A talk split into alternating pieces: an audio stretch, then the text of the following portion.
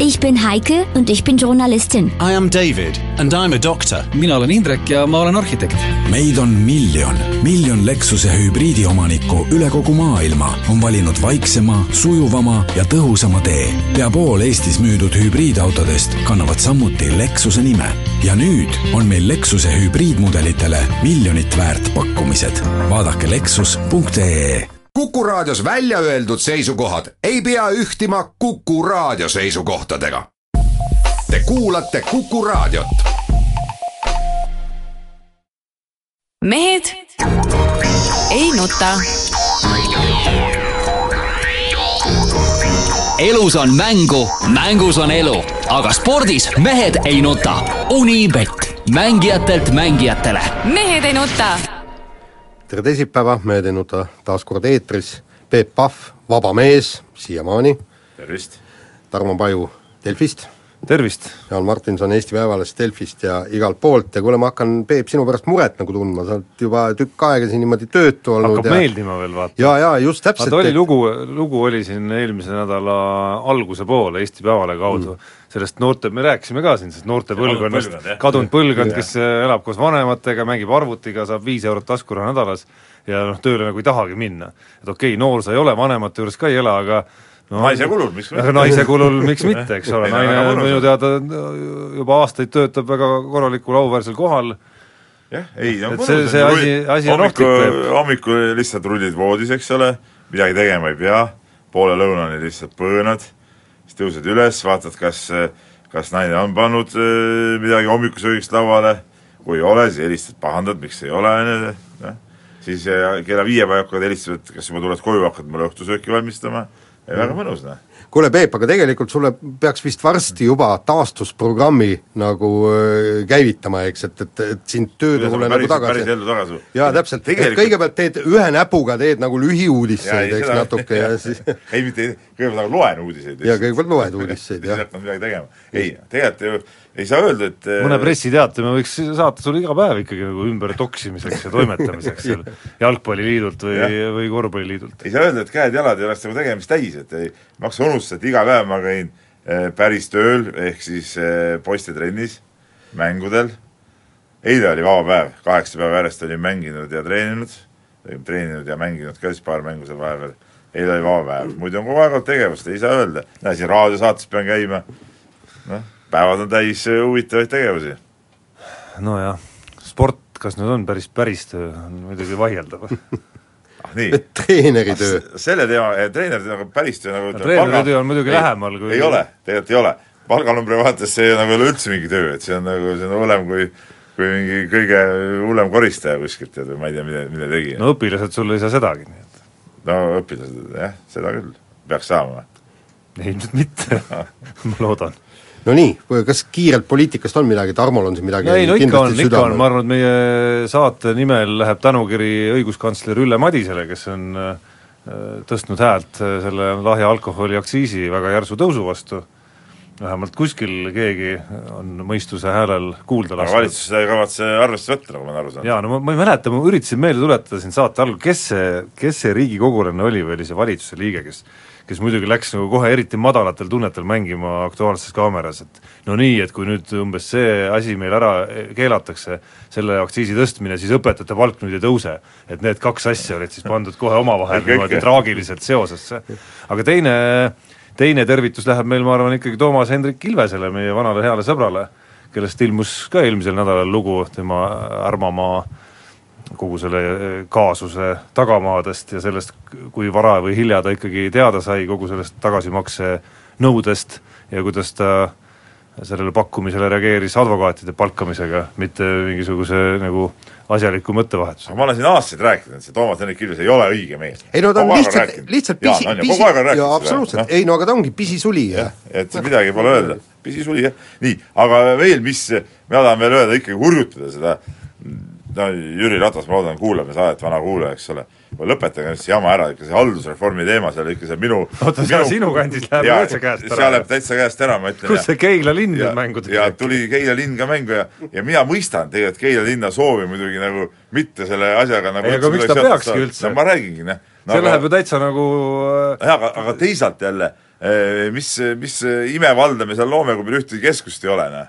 Et see on ka teistpidi. minust pangu Vasalemma või Paldiski, ükskõik mis ei no mis see Paldiski ei ole ka mingi keskus, noh. et, et las siis jääb kõik nii, nagu on, kõik saavad ju hakkama, noh, et lõpetame ära selle jama, tead, noh.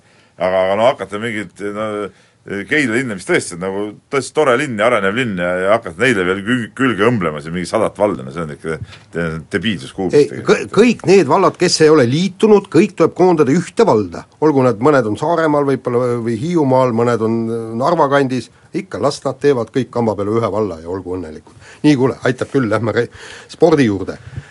pühapäeval lõppes laskesuusatamise mm me, meie poolt jäi siis näppude vahele ainult äh, Kauri Kõivu äh, kolm punkti kohta, aga tegelikult oli see võistlus iseenesest äge ja, ja sai Otepääl olles äh, ikkagi vaadatud ka suusatamise vaheajal seda laskesuusatamist ja no midagi pole öelda.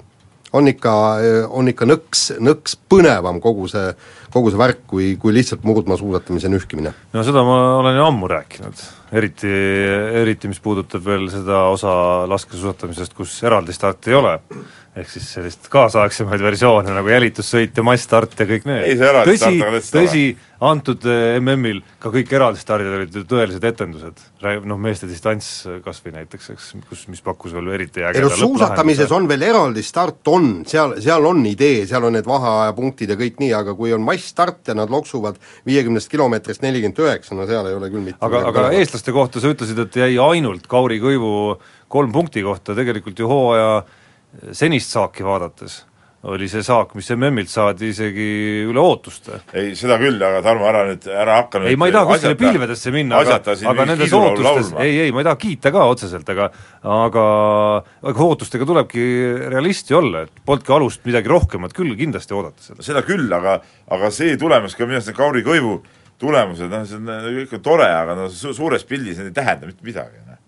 noh, sa okei okay,, saab sa mingi paar punkti kusagilt, no mis siis, noh no ei, seda küll, jah, aga noh mingid, noh tema tegi oma ära, no tema oli vähemalt tubli, anname talle hinde rahuldav, eks ole.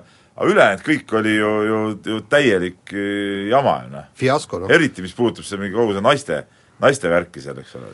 et noh, okei okay,, Johanna Taliham tuli sealt Ameerikast ja ja seal mingi ajavahed ja asjad ja ja aga noh, see on ka kokkuvõttes tema enda valik ikkagi, ikkagi ma rõhutan seda, tema enda valik, et ta on selle koolivärgi võtnud nii kõvasti sinna külge, et, et et noh, tegelikult tema vanuses äh, peaks tipptasemel ikka natuke teistmoodi toimetama, aga noh, aga kui ta on otsustanud nii, siis otsustanud nii, et siin pole nagu midagi nagu öelda ka. aga noh, tulevikku vaadates äh, noh, ilmselt Kauri Kõivu peal me ei sõida ikkagi väga kaua, rääkimata Roland Lessingust, et äh, võtmeküsimus ikkagi on see, et kas Rene Tsahkna ja Kalev Ermits saavad kuidagimoodi jala alla, sel hooajal seda kindlasti ei juhtu, et sisuliselt üks hooaeg pole mitte lihtsalt nagu välja lõigatud nende karjäärist, vaid, vaid nagu nii-öelda tagasi veel tõmmatud ka kuidagimoodi, et nad on ikkagi ju kehvemad kui aasta tagasi samal hetkel. et sealt tuleb kõigepealt hakata tööd tegema, et jõuda sellele tasemele, mis nad olid enne äh, käesolevat hooaega, enne neid haigestumisi ja terviseprobleeme ja siis alles saab mingist arengust hakata rääkima. no jaa, ja kõigepealt tuleb selgeks teha, et, et mille pärast see tagasiminek on toimunud. et see, see on nagu võtmetähtsusega küsimus ja no ja miks, kus need terviseprobleemid siis? jaa, just täpselt, nii. ei, aga see kõik tulebki sellest, et sul ei ole piisavalt võib-olla seda tausta, taustajõudu ja, ja neid asju, seda haigused tulevad kindlasti, et seal võib-olla ei ole see meditsiinikontroll nii tasemel, nagu peaks olema, noh. ei no aga oskused ja teadmised tulevad mängu ikkagi, treenimise ja taastumise oskused ja teadmised samamoodi. no just, aga, aga, aga me peame siiski tegutsema see, nendes tingimustes, mis meil on ette antud, eks et tegelikult noh, kui me lähme aastaid ja aastaid tagasi, ega tegelikult laskesuusatamine on kogu aeg äh, selles nadisseisus olnud, et tegelikult Laskesuusaliit on olnud ju kaks aastakümmet lihtsalt äh, üks inimene kännu otsas ja, ja äh, võta, võtab sealt kuskilt mobiilisignaali vastu. känd on päris äge, see on see majake seal laskesuusastaadioni peal. no nüüd, nüüd, nüüd on see majak, aga, aga me ei saa ju öelda, et, et et kõik need Tob-, Tobrelutsud, Lessingud, Eveli Saued ja kõik need oleks oluliselt paremates tingimustes treeninud omal ajal. sellegipoolest, ja sellegipoolest Indrek Tobreluts mingil hetkel noh, ma ei saa öelda, et ta oli päris kiiremate suusasõitjate seas, aga ikkagi top kolmekümne seas ta mingil hetkel oli, et selline Halvard Hanevaldi klassi sõitja enam-vähem oma parematel päevadel. just, ja, ja meil ju tegelikult äh, Eveli Saue ja ke-, kes siis äh, Kalve vist äh, lõpetasidki sellepärast, et ei ole tingimused, tingimused nii viletsad, aga ometi Kalve sõitis ju MK-l vist, mis ta oli, seitsmenda koha, noh Eveli Saue oli muidugi täielik staar. hämmastav ka, et kogu see laskesuusa nii-öelda aktiivne, see on idiootne sõna muidugi, aga ütleme, laskuse siis nagu see, need klubid või, või need, kes nagu midagi otsustavad, et need ei ole suutnud ka mitte midagi muuta, et see alaliit ongi, ongi selline, nii nagu ta on, on, on juba aastaid, aasta-aastaid mitte midagi ei muutu ka, noh. kuigi eh, ütleme, on olnud paremaid aegu, ütleme, kus ka tulemused on head, siin noorteklassis on tulnud siin ju maailmameistritiitlid suisa ja asju, eks ole, noh, aga mitte midagi ei toimunud. ja kusjuures ei ole osatud neid meist-, meistritiitleid ja medaleid õigupoolest ära ära, kasutada. ära kasutada ja maha müüa sponsoritele. nii, aga nüüd me peame vist tegema väikse pausi, kuulama reklaami. mehed ei nuta. elus on mängu, mängus on elu, aga spordis mehed ei nuta. Unibet, mängijatelt mängijatele. mehed ei nuta. jätkame Saaret kiire vahemänguga ja Otepääl siis suusatamise juurde me veel tuleme saate lõpuosas äh, tagasi, aga Otepää MK etapi raames toimus harrastajate äh, suusasõit ja ütleme niimoodi, et vot see oli äge äh, ettevõtmine, seal oli ikka tõsine ei käinud näiteks? No ütleme niimoodi, et, et punkt üks, mind ei kutsutud ja punkt kaks, ma kardan, et praeguse vormi juures ma ei oleks Tehvani tõusust üles saanud. Tehvani tõusust ma oleks kunagi üles saanud, mida aga pärast see laskumine on kõige hullem. jaa, absoluutselt. sellest ma võin rääkida, loe see teema nüüd ette, siis ma ja rääkida põ- kohe oma loo sinna juurde. no põhimõtteliselt seal oligi, oligi tähendab ja, ja kõige vägevam asi muidugi toimus finišis, kui võistlejad kommentaare andsid ja, ja kui Raio Piiraja äh, tuli, noh, ta ei olnud pahane, aga ta oli, ta oli nat-, natukene pettunud selles, et kuulus telekommentaator Kalev Kruus, siis põhimõtteliselt rikkus ta see võistluse ära, et, et tema tuleb sealt laskumisest, on ju, täie kiirusega, järsku vaatab, eesrajal kakerdab Kalev Kruus, on ju, siis tal oli kaks võimalust, kas Kruusile otsa sõita või siis võpsikusse panna. Kruus oli pikali maas vist ja Kruus oli pikali maas, siis otsustas Kruusi säästa ja ja sõitis mingisuguse kaamera aluse pihta, sealt edasi võpsikusse ja vist sai mingisugusele seitsmele männile pihta.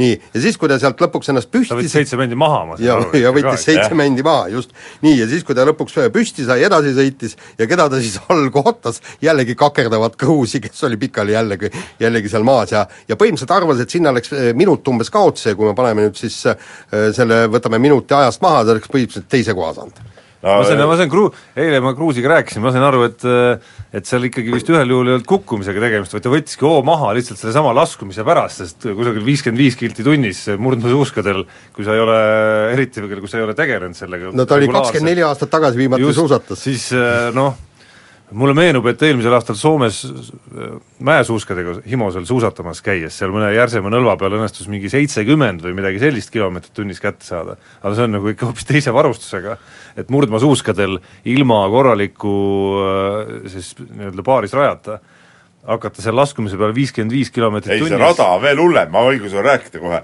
ja see oli nüüd, no nüüdsest on möödas juba võib-olla et selles mõttes ma pigem, aastat. pigem natuke kaitseksin Kalevit praegu. ja, või isegi rohkem võib-olla, võib-olla kümme aastat käisime ka siis perega, et noh, lähme mingi nädala lõpp ja Otepääle suusatama ja seal oli ka, ma polnud ammu juba sõitnud ja läksin siis ka muidugi loomulikult kohe ikka selle õige ringi peale ja ja seal võtsin ka Tehvani tõusu ära ja siis tuligi seesama laskumine peale Tehvani tõusu. läheb seal laskub, läheb sealt ja siis läheb veel silla alt läbi veel teine laskumine. ja seal läks hoog nii suureks, ma polnud ka ammu sõitnud, jalad olid muidugi pehmed ka sellest suurest Tehvani tõusust. et, et eh, ma panin siukse, siukse kukkumise, et ma ei tea, ma lendasin sealt ka mingi selja peal seal mingi sada meetrit umbes, umbes edasi veel. noh, raske mees ka hoog läheb nii suureks. küljed kõik lõhki sinised, tead, no et et see on tegelikult, see on päris hull, milline hoog sisse tuleb. ja jama just oligi selle, selle rajaga, oleks ilma rajata kuidagi, oleks nagu mugavamini tundnud, aga aga seal raja sees just oligi, et seal oli vaja pöörata ja seal vist oli vaja natuke see suuska nagu sättida ka ja siis ma seal kuidagi kinni jäin ja külili käisin, et see oli no ühesõnaga, ma saan aru, et tegemist oli. ikkagi ilm- ilmselge mõrvakatsega lihtsalt korraldajate poolt saada lahti meie legendaarsemast korvpallikommentaatorist ja mitte ainult korvpalli. just. No mis, mis Gruusi veel puudutab muidugi, siiski, ei saa jätta mainimata, et eelmine nädal tõi, tõi ju teise uudise veel, ta peab nüüd juukseid hakata, hakkama ju kasvatama. aga ta kasvab üldse juukseid Kristjan, Kristjan Kalkuni soeng tuleb nüüd ju aa, tuleb, miks, ma ei tea, pole kuna ta kuulnud. lubas äh, jalgpallistuudios, et äh, kui Barcelona ei löö PSG-le ühtegi väravat, siis äh, ta teeb Kristjan Kalkuni soengu endale. ma, mina ei ole Kalev Kruusi kunagi juustega näinud, kas sina ma kahtlustan, et tal ei kasva ma, mõned ma arvan ka, ka, vähemalt sellises mahus aga nagu Kristjan aga sul on pahmakas peas, äkki sa Jah. nagu kogud enda juuksed, et saab nendest eh, paruka teha? ei, aga võib-olla ei no meil on siin paruka võimalus on kindlasti olemas niimoodi, et, et aga noh, Kristjan Kalkuni soengut kah ei tahaks, nagu ütleme niimoodi, pigem kiilakas.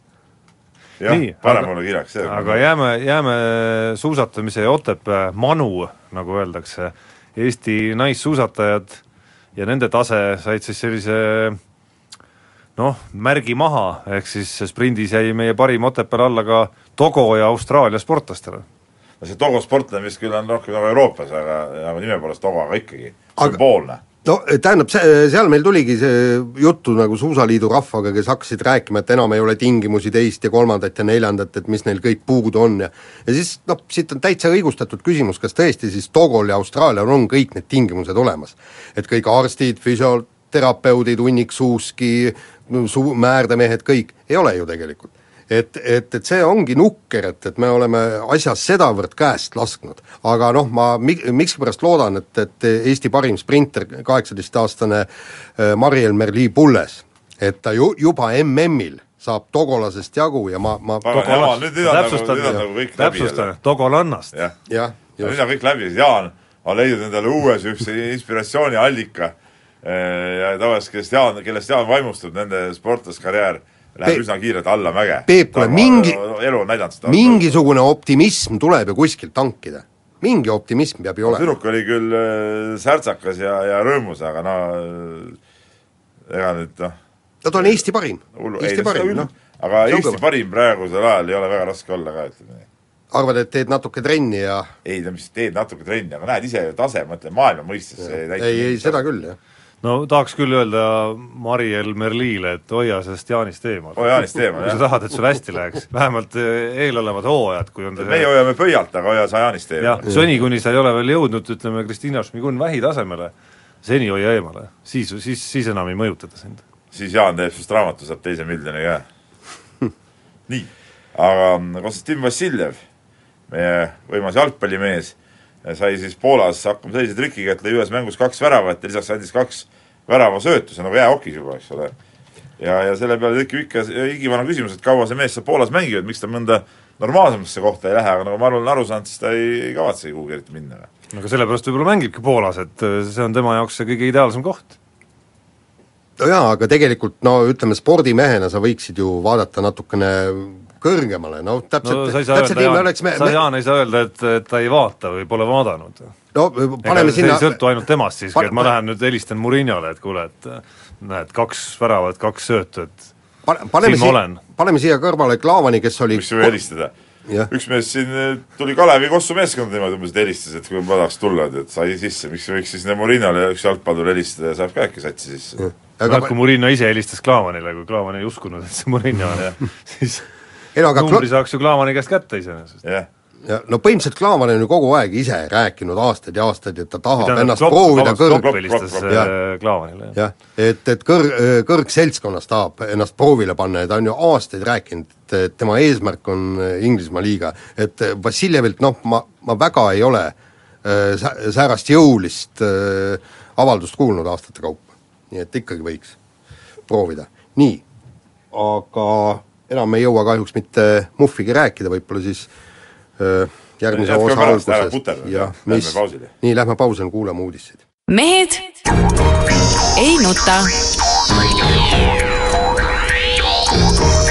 elus on mängu, mängus on elu, aga spordis mehed ei nuta. Unibet, mängijatelt mängijatele. mehed ei nuta.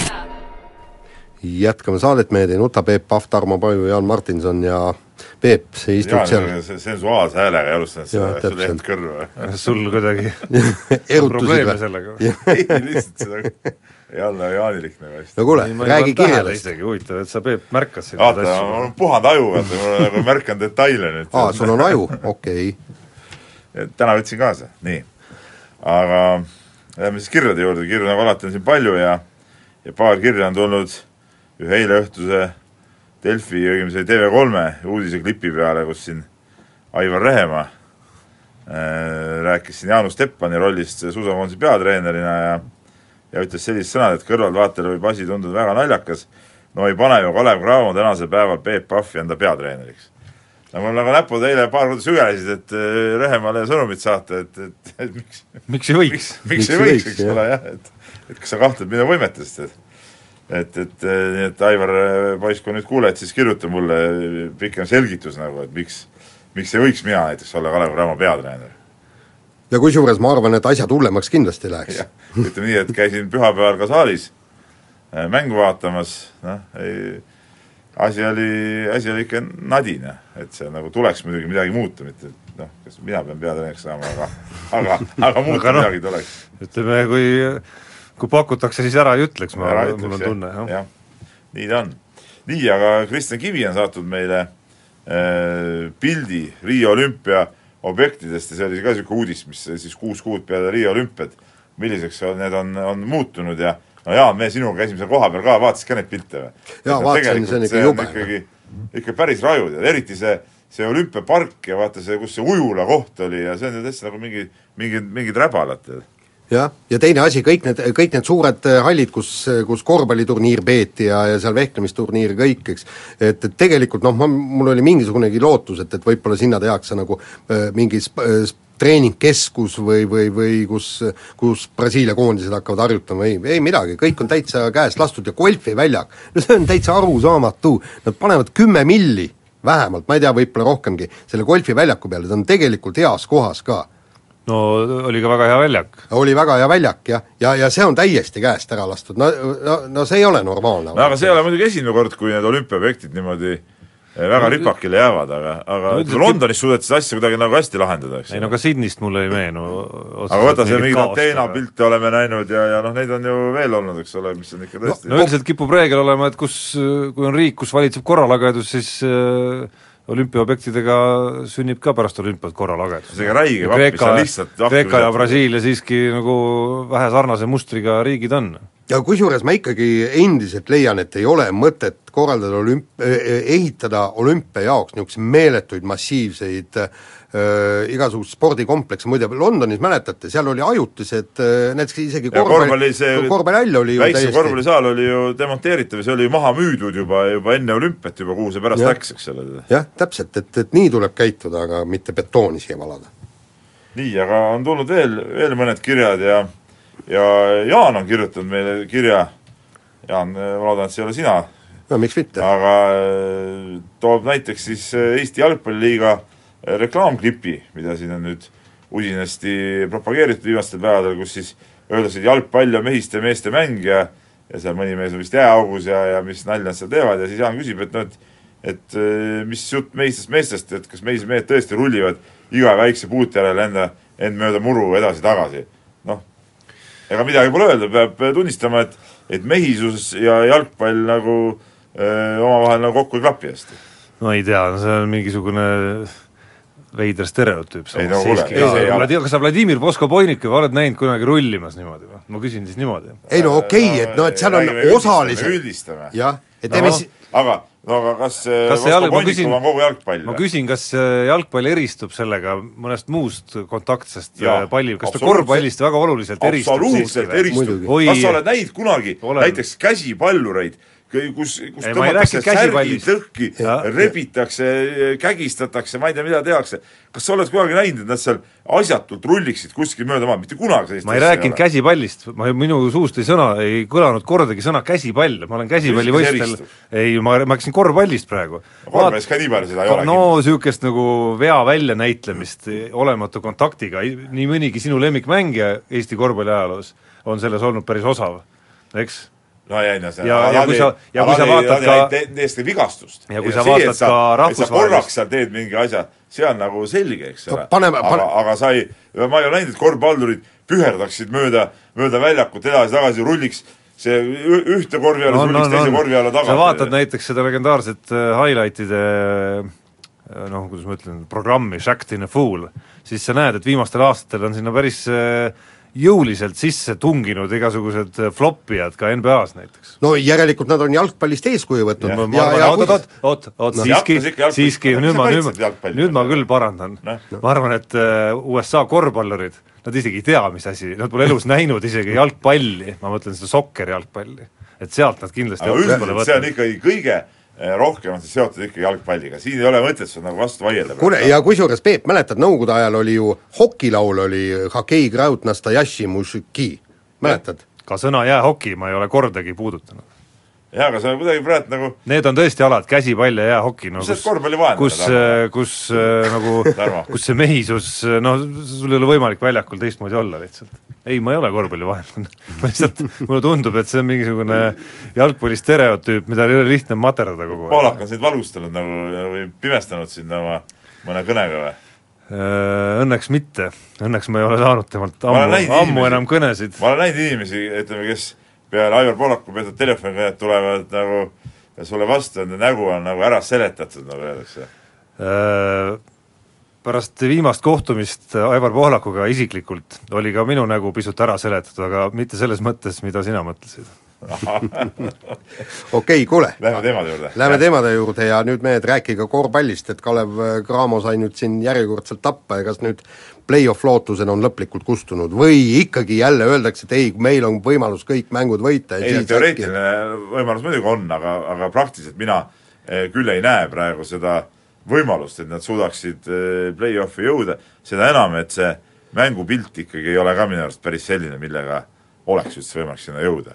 Ma ei tea, Tarmo, kas sa pühapäevast mängu vaatasid, saalis ma sind ei, ei silmanud, võib-olla vaatasid televiisorist. jaa, vaatasin. aga, ütleme, see ei olnud igatahes selline mäng, mis oleks eh, mingit optimismi eh, sisendanud. ja ütleme noh, play-off'i joon on nüüd ka tabelit vaadates ikkagi juba kolme Kolme võidu kaugusel. ja seal, seal kolme võidu kaugusel ei asuks see üks meeskond, vaid seal vahel on veel päris mitu meeskonda, kellega meil ka omavahelised mängud on suhteliselt eh, noh, nadisti, ehk siis see vahe tegelikult on veel suurem. ehk siis no pisut utoopiline on, et eh, sellest kahest mängust, mis eelmine nädal toimus, ühe oleks pidanud Kalev kindlasti kätte saama.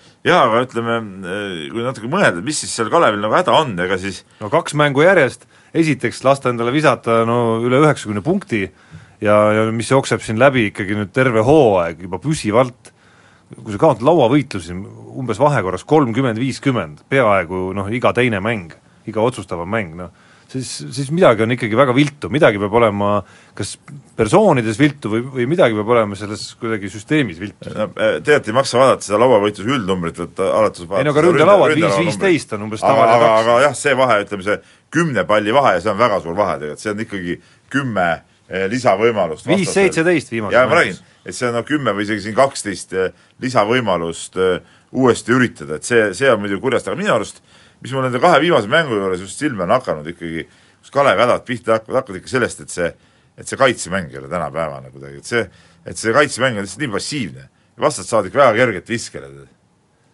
ja kas see tuleb nüüd sellest, et need eh, tsentrite eh, rollist, et nad eh, ei, ei suuda seal võib-olla kui sa kate-kattes mängus seal niisugust aktiivset varianti mängida. lõpupoole prooviti. lõpupoole prooviti, aga no see nagu ikkagi ei toimi, tead noh. Et, et seal on, need nüansid jäävad nagu sinna kinni minu arust ja sealt need hakkab mäng rebenema, isegi kui sealt ei tule korvi, saab mängija sealt kergelt sisse, kui sealt siis lõpuks tehakse mingi kokkutõmme, on on jälle väljas mehed vabad, et, et, et minu arust hakkab sealt, hakkavad Kalevi hädad kõige rohkem nagu pihta.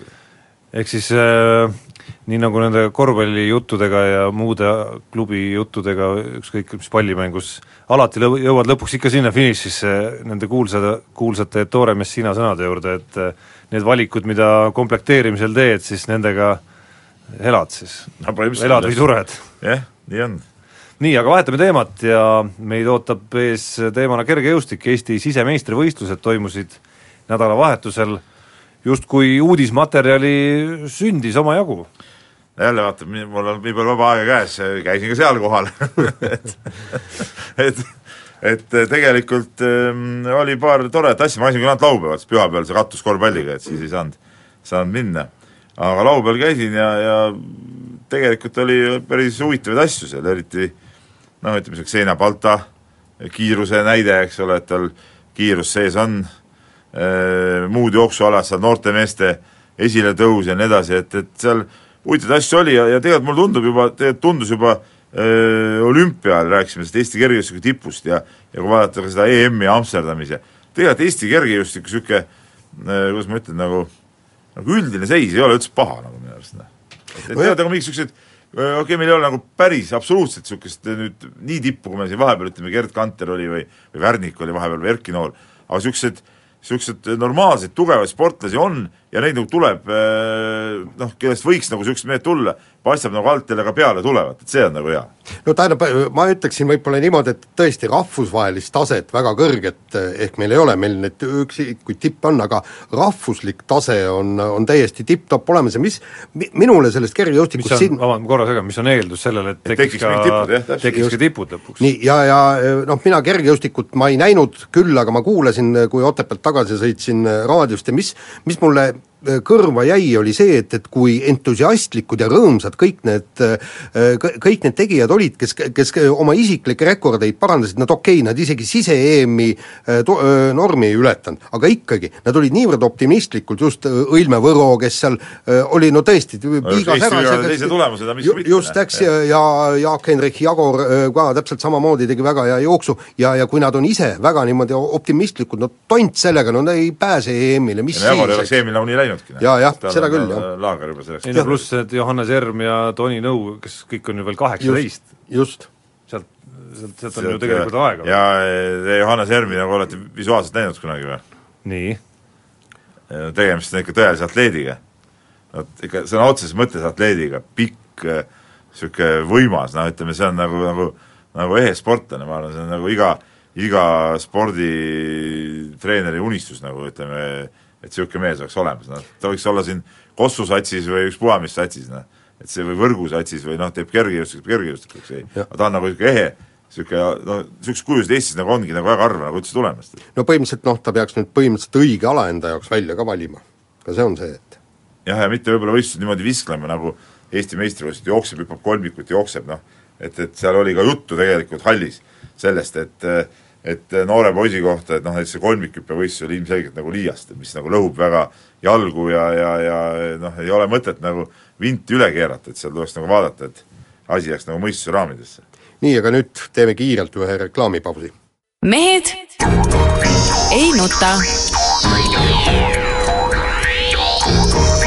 elus on mängu, mängus on elu, aga spordis mehed ei nuta. Unibet, mängijatelt mängijatele. mehed ei nuta. saate viimane osa ja alustuseks võtame kiiresti vehklemist ja Vehklemisliidus ikkagi möll jätkub. ei, selles suhtes me, vot ma segan vahele, et see on nagu hea, et vehklemisliit üldse olemas.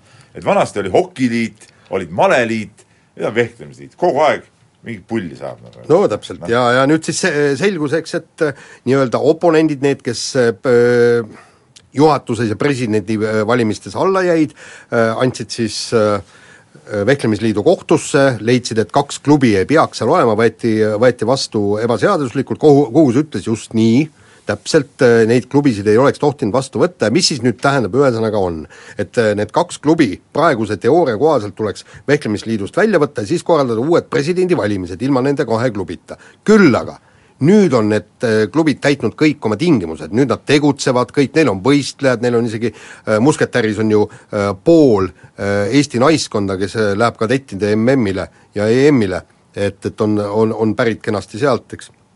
et et need klubid saaks nüüd tagasi võtta, et miks siis presidendivalimistel, kas nad tohivad osaleda, ei tohi, siin on nii segane värk, et, et isegi ma arvan, et juristidel läheb keeruline seda lahti arutada. ei no nad tulebki välja ehitada, nii, aga kuna praegu kõik kriteeriumid täitnud, siis tuleb tagasi võtta, aga vahepeal tuleb ilma nendeta teha presidendivalimised, saab, mina saan asjast niimoodi aru.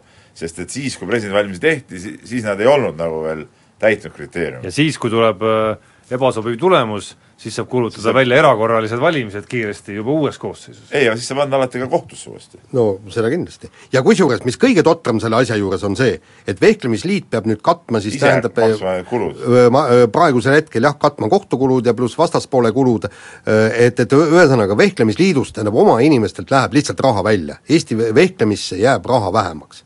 ja kui see on nüüd eesmärk, siis hurraa, aplaus nii, aga lähme nüüd siis äh, põhiteemaga edasi, Otepää MK öö, lõppes, neljapäeval algab lahti mm, et äh, no lootust on või, või ei ole või? kui, kui, kui me räägime suusa, suusatamisest. mis lootusest no Marit Björgenil on päris head MM toimub, ma ütlen jah, Jaan, võid kohale. ja Björgenil on täitsa head lootused, Sundbil aga tegelikult, kui me hakkame nüüd vaatama, äkki meie mõni sportlane suusatajatest jõuab isegi kolmekümne sekka, hurraa! No esiteks isegi olukorras, kus pooled riigid tulevad välja poole väiksemate koosseisuga tavaliselt, on see kolmekümne hulka saamine ikkagi suhteliselt nippa-nappa On. äh, variant, eks ole.